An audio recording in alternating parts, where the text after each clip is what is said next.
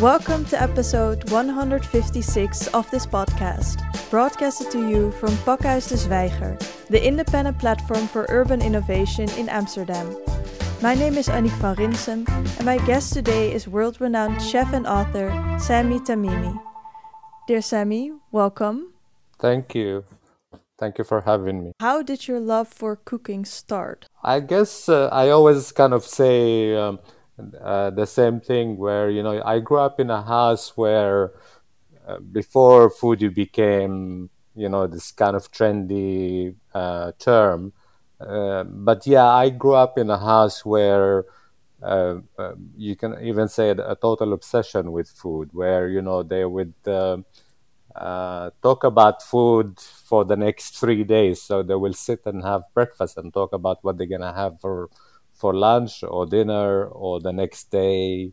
Uh, also to do with um, uh, seasonality. So they will also talk about what's in the season and what they're gonna do with it. So this kind of started the whole thing with the fascination with food I was always kind of surrounded by these people, um, which you know, my siblings and family, uh, talking about food all the time. And then um, I didn't think that I would be a, a, chef. I never cooked at home. And then later on, when I started getting to 15, 16, um, I, I started cooking. But I didn't cook uh, so much for the family. I cooked for friends. So you never really thought you were, were would become a chef? No, and also chefs is um, uh, it's a term that I didn't really know so much as a kid. Uh, there was a cook. I mean, like uh, my my grandma and my mother and my aunties, and I grew up in a um, home where women cook and not so much men. Um, men used to just kind of step in to help when there was like a wedding or a funeral or big celebration to um, but the, you know it's a bit like it didn't change so much men do you know the barbecue and the meat so it's a bit kind of uh, uh, clear who's doing the, the, the, cooking which is the women uh, so uh, I didn't think I would be a cook. I mean, I mean, I remember years uh, after when I um, started working in Tel Aviv that I said to my father, "This is what I love to do. I want to cook, and you know, build a career from it." And he, he his answer was like, "Are you crazy? This is a job for a woman, and you know, you're gonna do." this for your for rest of your life think about it and i said to him dad this is kind of different now people do uh, cook as you know it's a profession what's the difference then between the term cook and chef cook is cook could be a lot of things. Cook, um, um, you, we're talking about uh, people that cook at home, not for not in a kind of commercial way. They cook uh, for the family or friends. Uh, they do it in their own kind of uh, time and pleasure, or you know because they have to do it. And chef is a more um, you know you have to go out and study or gain experience like I did. I never went to school to study cooking. I, I learned it the hard way, which is basically uh, working in ma- as many places to gain experience and to nurture this kind of, you know, the, what I was kind of aiming to, to get to, which is being a proper chef. So if you only knew cooking as as as something that is done at home and mostly by uh, women in your family, then how did you get this idea? I kind of started um, feeling that uh, this is something that you know I'm really kind of fascinated about, and I want to kind of uh, see where kind of I can get with that. But at home, I, I wouldn't be able to have the chance because as a kid, I remember every time I went to the kitchen, I was kind of shushed out. And my mom would say just go out. It's not a place for a boy. Go and play with your friends. And uh, so there's no chance I, that i could have uh, cooked at home with my mom and aunties and my you know it's also uh, it's quite uh, clear in you know the palestinian society that the the, the cooking is passed uh, by generation from mother to, to daughter and not so much from mother to uh, you know sons. So how did this idea develop when you were starting to work in different kitchens and you decided that this is something that you want to pursue? It was a wonderful thing because I was so um, fascinated by the whole thing, and I also wanted to learn. And I was fast learner as when you know you show me what something once, I would just remember, uh, I remember it, and I won't forget it. And you know, you ask me again about it, and I would do it. I guess uh, it opened this kind of big uh, unknown world to me, and I was so fascinated by it, and I wanted to know more. I was really eager and hungry, and wanted to um, uh, proceed and kind of learn as much. When I moved from one place to another, it it was for me to learn uh, different techniques, different flavoring. Um, so I chose from you know uh, I worked in a Moroccan place. I worked with a, a couple of elderly Iraqi place, which is a cafe that they cook traditional Iraqi food, to Palestinian, to a vegan um, Indian restaurant. So I wanted to kind of know as much about cooking because, um, again, going back home, my, uh, I was only surrounded by Palestinian food. Um, and mostly cooked at home, and not so many restaurants. The restaurants that we had back in the 70s when I was a kid, they were mainly um, around, you know, the Palestinian kitchen. So that was for me a good step. Can you describe what made you so hungry to learn about cooking? What what gave you this drive to really see all these different cuisines, and what yeah made you happy about this? yeah, two things. One is um, uh, I see it as an art. I mean, I always did see it as an art because you can create. Uh, uh, wonderful thing that people can actually at the end eat and enjoy. This is one kind of side of it, but also the textures, the colors, the the flavoring, all these layers of things that kind of, uh, if you uh, master them well, you can uh, do really wonderful things with them. Uh, so this what this side of uh, kind of the cooking that kind of uh, drawed me really, really strongly in. And also the fact that, unlike the kitchen that I grew up, my mom and my aunties, uh, it was so um, uh, uh, conducted so well. Everybody had their own kind of uh, role. Uh, if you think about like a big event where so many people are kind of in, um, responsible for it in, and each one have a role which is you know whether it's small or big and they all come together at the end to you know to to kind of um, produce this event and this is another part of it which kind of uh, also kind of sucked me in and just when I wanted to know more about that yeah, so after you started working in different kitchens, you became the head chef at Lilith. Yeah. And at that point, you were already an established chef. Did your family let you into the kitchen at home at that point? Um, for for small things that uh, they they didn't cook at home, like I would go and uh, make a pizza for everybody, or uh, make pasta from scratch, where I'll I'll do the dough and then you know show how to to do things, but not so much Palestinian food. I, I didn't need to also to kind of uh, prove myself uh, in that way as well because um, you know I at home I eat the best Palestinian food, so I didn't have to cook that for for the family. Uh, but uh, it took many years for my family to um, come with with term that I'm I'm a chef. I'm cooking. This is my career. It took them yeah many years. I mean up until I moved to to London, which is I was almost thirty when they kind of realized that this is what I'm I'm gonna do for the rest of my life. So you moved to London in 1997. Correct. Um, and how did it come to be that you moved there? Um, I met uh, a lady who owned a bakery in London, in Lilith, in Tel Aviv, and it was just before I moved to London. And um, she loved the food, and she wanted to talk to me. So I went out to the restaurant, and we had a chat. And she just said that you know she's based in London, and you know she heard about the restaurant and she wanted to try. And I said, "Oh, how, how fun is that? I, am moving from here to London, and she she offered me a job. So uh, that was another kind of good thing that happened to me, where you know I I went I moved to London and I had a job waiting for me, um, and that was a place called Baker and Spice in. Um, in Knightsbridge, Chelsea, in London. So, do you know what made her uh, so curious about you and why she thought I need to talk to this particular guy to develop my business?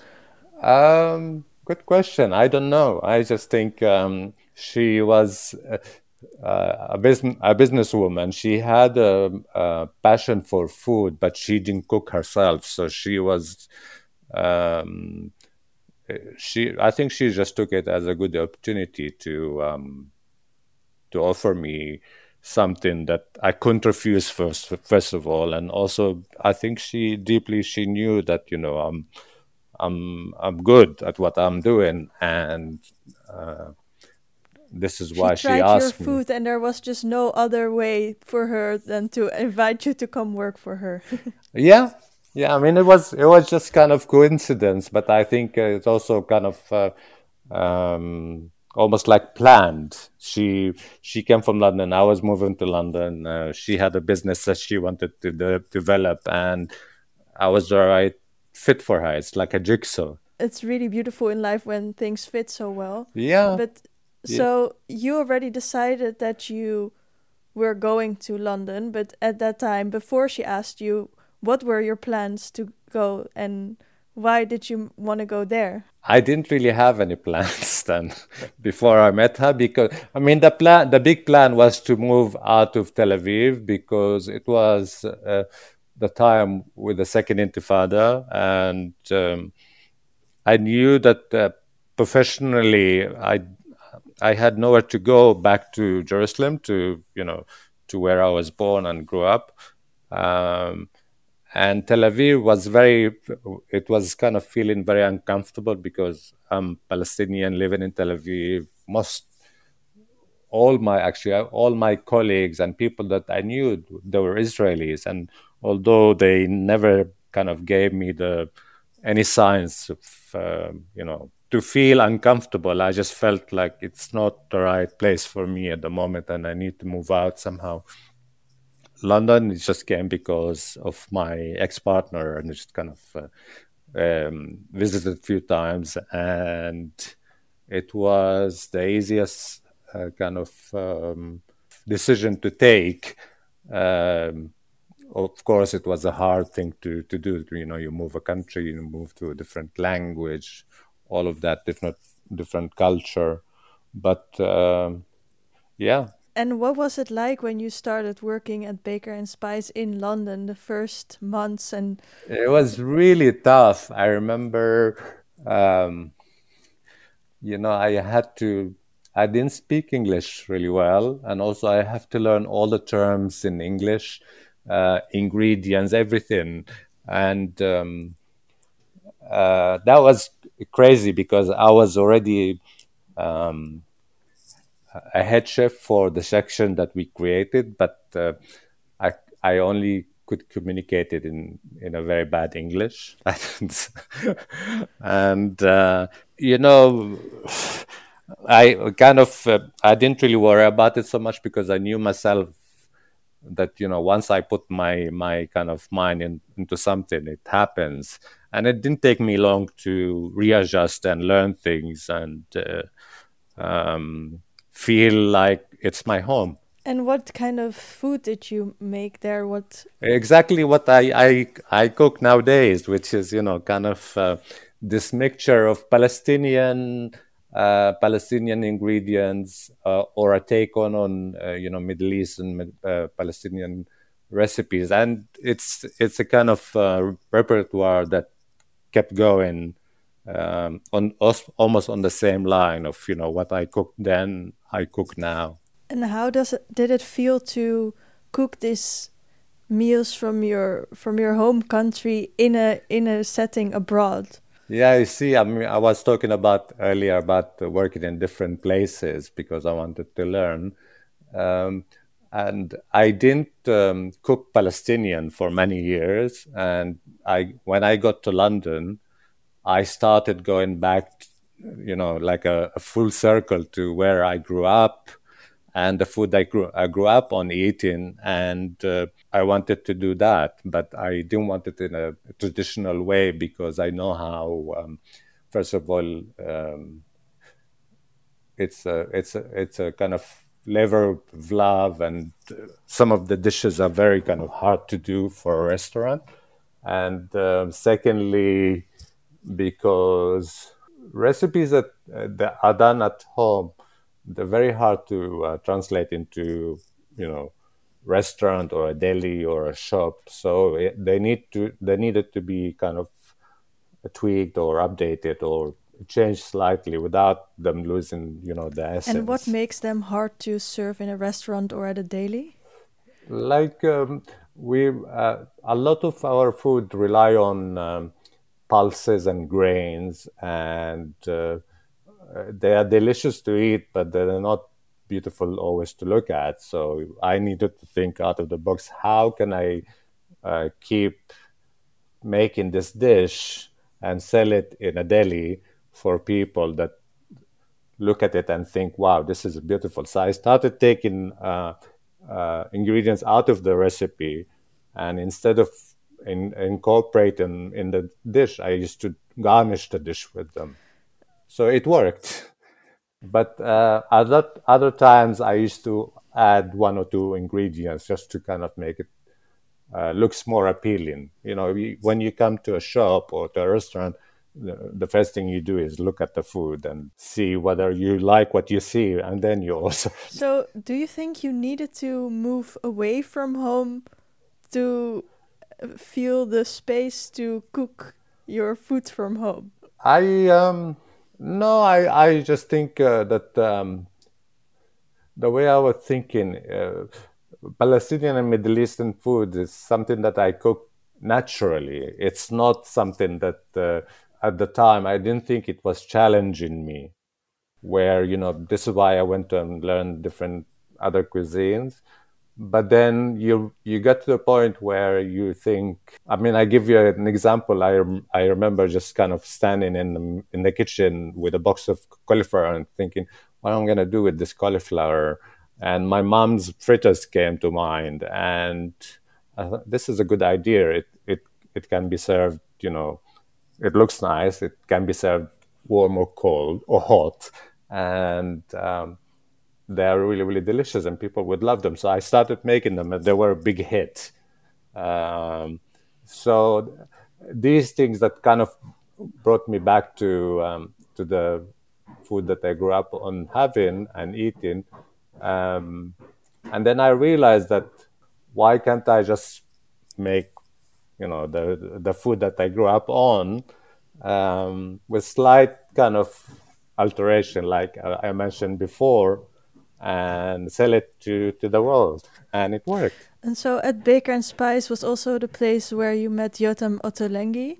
It was the start of a beautiful friendship and an extensive collaboration as you became the head chef of the Ottolenghi Delis and flagship restaurant. Could you tell us how this this friendship started exactly? It started because, um, I mean, uh, the fact that he uh, Yotam came on a scooter and he was looking for a job as a pastry chef. Um, and uh, I just remember we were kind of out, standing outside chatting for a while, and then he, I couldn't recognize his accent, and he couldn't recognize mine. So we started. he asked me where I'm from, and I said, "I'm Palestinian. I'm from Jerusalem." Ah, so it kind of this is how it, the whole story started, but also because we worked together, we were also um, we arrived to London at the same time. We grew up in the same place. Uh, we speak the same language. I mean, Yotam also speaks Arabic, but you know, we we spoke in Hebrew as well. So um, we speak the same language. We both kind of in a new city in a new country. Um, and we kind of clinked on each other, you know, because we felt the same kind of things where, you know, we are both in, in food, into food, we are both in a new place. uh, and we somehow um, the friendship came because um, we we helped each other kind of get readjusted to the place, but also because when you're in a new place, you you want as many friends to kind of feel mm-hmm. home.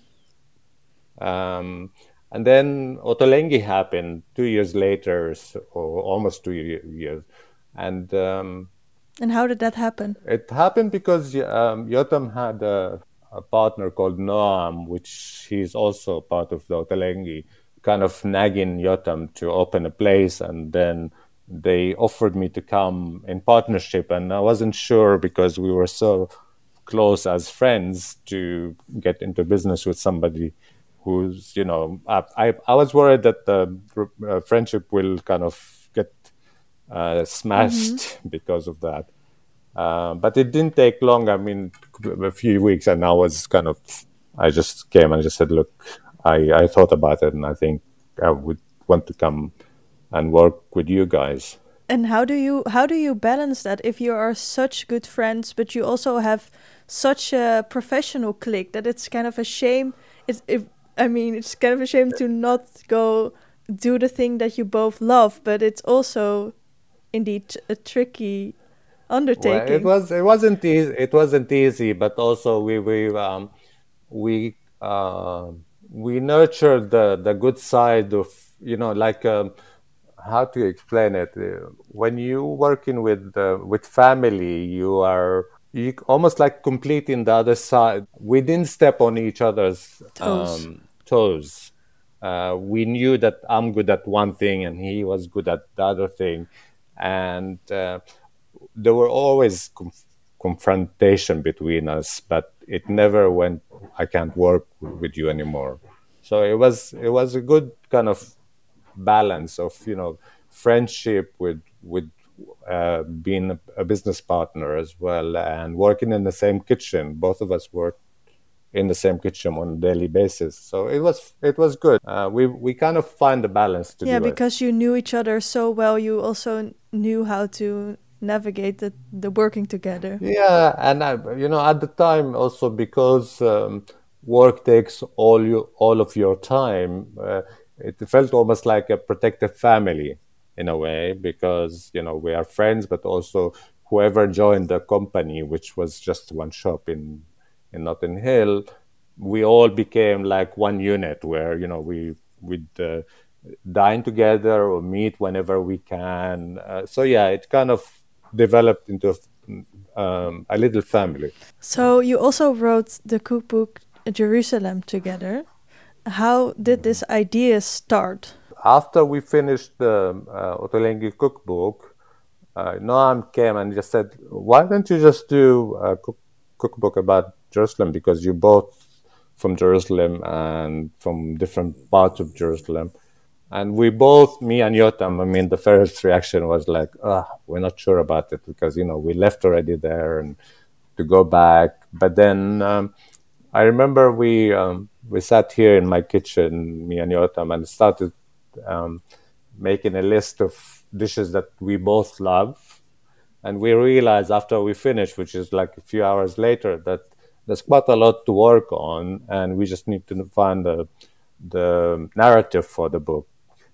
And um, the narrative wasn't clear at the beginning, but we started with the recipes first, and then the the narrative came kind of after a while, but it didn't take and long. what was the narrative?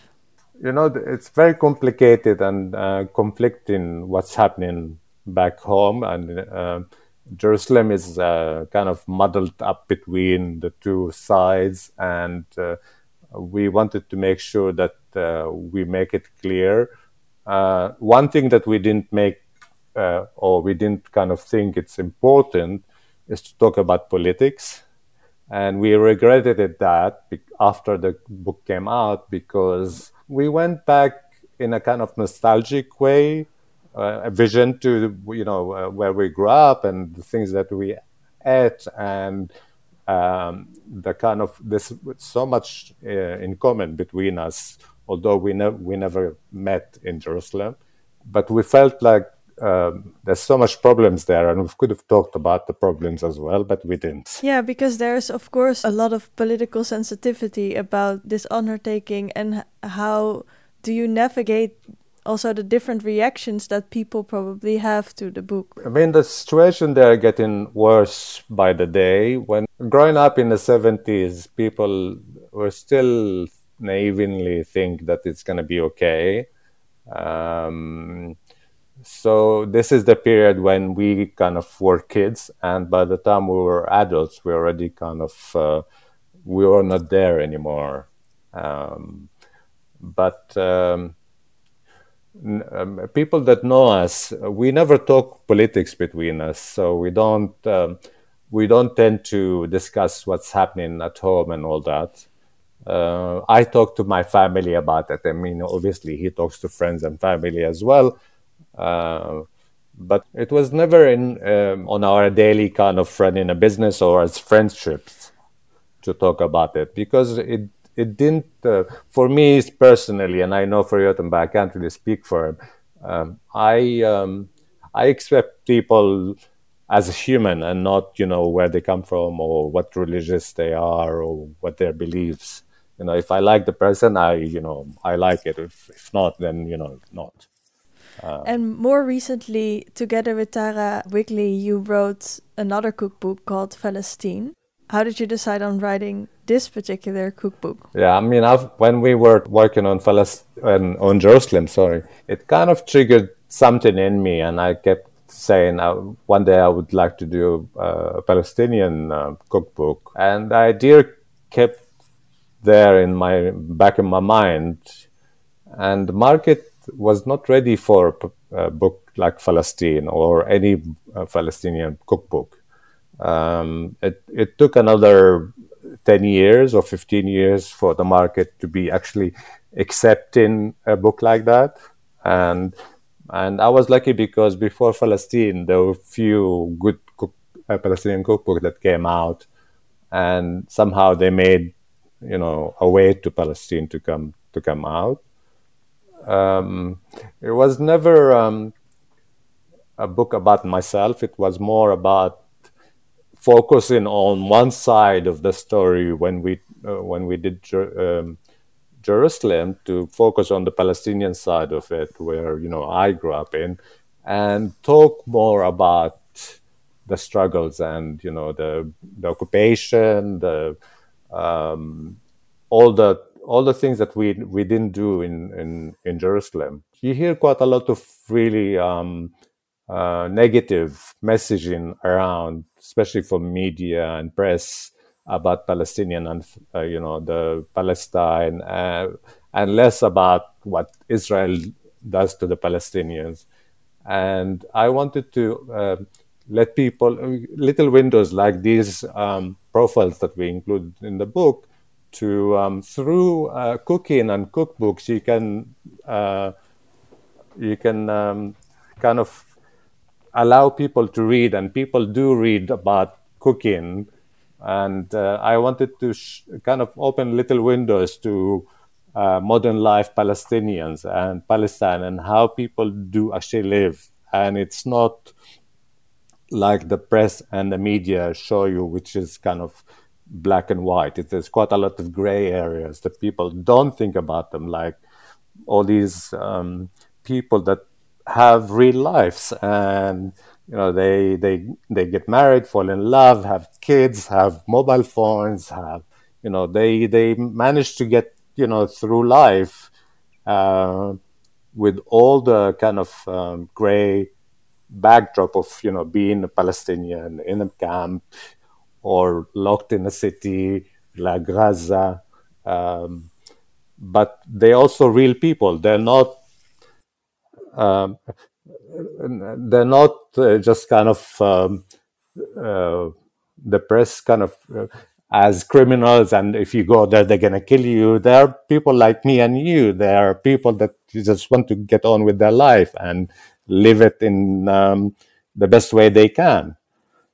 Um, so that was kind of really important. And secondly i wanted to do uh, I, I kept borrowing, borrowing from my uh, food from the Palestinian repertoire all my life as a professional chef. And I wanted to share more of that with, with people. And so, how did you decide on what little windows to show? And did you have a particular audience uh, in mind? We interviewed quite a lot of people. We uh, we interviewed so many people and we just we went with our feelings and uh, what will kind of talk to people and you kind of identify with you know the, the the person and their story.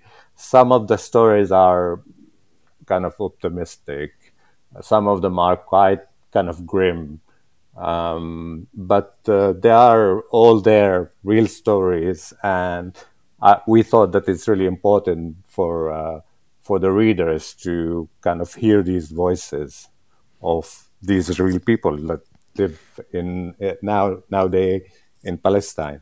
And how do you feel the book Palestine relates to the book Jerusalem? Jerusalem was uh, two voices and from two different sides, and Palestine uh, almost like a sister of uh, Jerusalem but focusing on one side of the, the, kind of story, which is my side.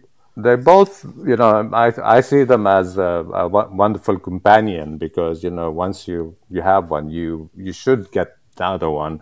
I'm not telling you to go and buy it, but I just think uh, uh, if you really want to f- uh, kind of focus on um, one side, which is the Palestinian side, it's it's a wonderful thing to to to have to read first of all, and to cook really wonderful dishes from. Yeah, in, in the introduction, you also also state that for uh, Palestinians, food is inseparable from identity and stories, and of course, sharing food is is in every way a, a way of, of sharing. And how is is that for you to to to indeed combine a cookbook with also a bigger story?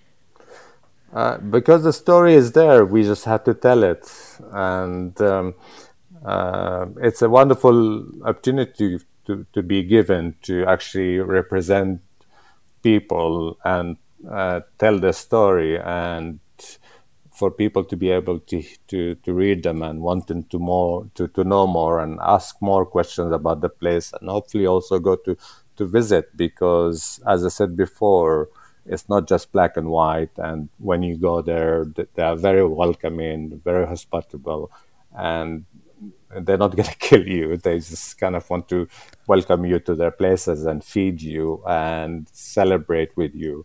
Um, so that, and also the fact that um, I come from there, and you know I care about the place, I care about the people. Um, and if you can just kind of close your eye and think, okay, I can eat all this wonderful food, but there's no back backstory to it, then it kind of doesn't make any sense to me. Yeah, but that's the book does really like uh, smart ways of incorporating uh, food and cooking and the stories that it carries are intertwined with it. And in the in the end of the book, you also made a glossary with more information on culinary practices, but also on Palestinian politics. So how yeah. did it's kind of a a smart way, I think. how did you come? How it's it's so subtle and also not not at all? Like how did you come up with this idea? It's a it's a process. It um, uh, like i said like in jerusalem we started with the recipes. With palestine um, we were two people uh, i mean this is another thing where many people think that they know about palestine but actually when you go down to asking questions people know almost nothing about Palestine. They mm-hmm. just know about the war, and that's it. Mm-hmm. Um, so it was good to to work with Tara because I was already built up with you know the list of things that we should cook, but how to build it up. That first of all, words are really important. You every every word we have to kind of check ourselves whether we can say it this way or not. So not to draw on anybody's kind of uh, uh, foot, Feelings, yeah. but also to, to tell the story as it is without um, without kind of um, f- fear of am I saying the right things or not? It is the right thing. But because you said that Palestine is really your side of the story, but I did notice that you still also are very. Um, you also show the other side in the in the in the glossary at the end. It's like some people see it this way and some people see it that way. So it's Correct. still it's still quite balanced. Why did you make this decision? because again you know you um you to, you uh, you telling uh, it's I wouldn't want to call it even a story. You are showing people your point of view of uh, one one side of the story, and I don't want to force people into kind of uh, reading, and um, it's up to people to actually. Um, believe the believe what what we wrote or not and um, once they want once they want to know more and kind of read more about it then my job is done which is really a Yeah. wonderful thing to do It's more an invitation to maybe um, this is why I called it also a little windows because uh, uh, you really can connect and relate to to these stories and to I mean some people remember only one or two stories from the book and you relate to these people and this is enough. So um, it also says that the book is, in a way, an ode to your mother. Yeah. Could you tell us a bit more about your mother and who she was and what she meant? Uh, she was a good mom. I mean, uh, um, unfortunately, I lost my mom when I was seven, so I was really, really young. But all my memories from my mom was uh, that she was really pretty, uh, but not that. It's all the f- cooking and the food, and this is something that I think uh, I um, inherited from her. I love feeding people, and this is what she done. She was always cooking and feeding us and feeding the family and the friends, and this is something that I, I part of my cooking passion is feeding people, and you know, I kind of re- relate relate to that, and the, f- the fact that um, seven years old, you know, you hardly remember anything, but uh, all I remember is is the food that she cooked. And do you feel a similar feeling of like the love that she shared through feeding you that you can that you can pass it along by I, feeding I other mean, people? yeah, I've been doing it for many years. I mean, it's a wonderful thing when you have friends, for example, for, you know, you cook a meal and you see the joy of, you know, them eating. It's not because I'm, I'm a chef, but because uh, the, the, the fact that I did a, a, a dish and they loved eating it and enjoyed it. And it's equally joyful for me to to see that and feel it as well the same way as when you have a restaurant and you know you see how people enjoying the food um, i think i mean i think this is how my mom felt as well That is that is must be a special feeling to have. yeah and also uh, I, when i was uh, uh, much younger like 20 years back i would always think i wonder how, what my mom would think you know me being a chef and cooking and doing her recipes uh, she must be out there proud of what i achieved um, but it's also um, a way for for me to connect with my mom which is you know cooking So, what are your plans for the foreseeable future? Um, I'm, I'm, uh, next year I'm planning quite a lot of things. I mean, I'm gonna do quite a lot of uh, cooking classes, and I'm gonna do lots of supper clubs, and I'm, I'm also what are involved supper in clubs? supper clubs where you know you kind of invite people up to 50 people and cook for them. Um, which is something that uh, also I had it for a while in back of my mind, but I never kind of did the kind of step to do it. Um, and I'm doing quite a lot of charities, which is I really really enjoy. Uh, what kind of charities? Like I'm involved in a charity here in London. They um, they're um, planet Base, which is vegan, and they do meals to feed people. You know, they just cook a lot of meals on a daily basis and deliver it to people that can't go out or they don't have money. And I ha- I help them with uh, promoting it, but also I go down there and see what they're doing. I um, um, I'm doing a cooker class in November with them, which all the money that we are making from there goes into the meals. Um, and I'm helping a couple of uh, smaller uh, charities to help Palestinians, one in Gaza and one to help uh, Palestinian kids that end up in the street and just to pick them up and kind of help them uh, to build a future. And uh, another big charity that I love, which is uh, uh, work around the world, but also in particular in Palestinian uh, territories, where they help young girls and women to to start up either business or school or so I'm doing quite a lot. I'm also writing a, a, new cookbook, which is uh, I can't talk about it, but uh, uh, when it's ready, you know. Can you say be. one word that relates to the new cookbook? Uh, it's going to be Middle Eastern Palestinian, but it's not going to be so political. Okay, all right. it's not. It's not going to be political because I think. Um, uh, I, I, you can't do two books in a row where you know this. It's I find you know Palestine is a wonderful uh, uh, place and the food I love and Palestine as a book. Um, it's very hard to come up with something equally good. So it need to be a, a lighter kind of um, weight cookbook afterward. Yeah, but you can refer people back to Palestine and like. I always talk about Palestine because it's a very, it's. I think it. First of all, it's a classic cookbook.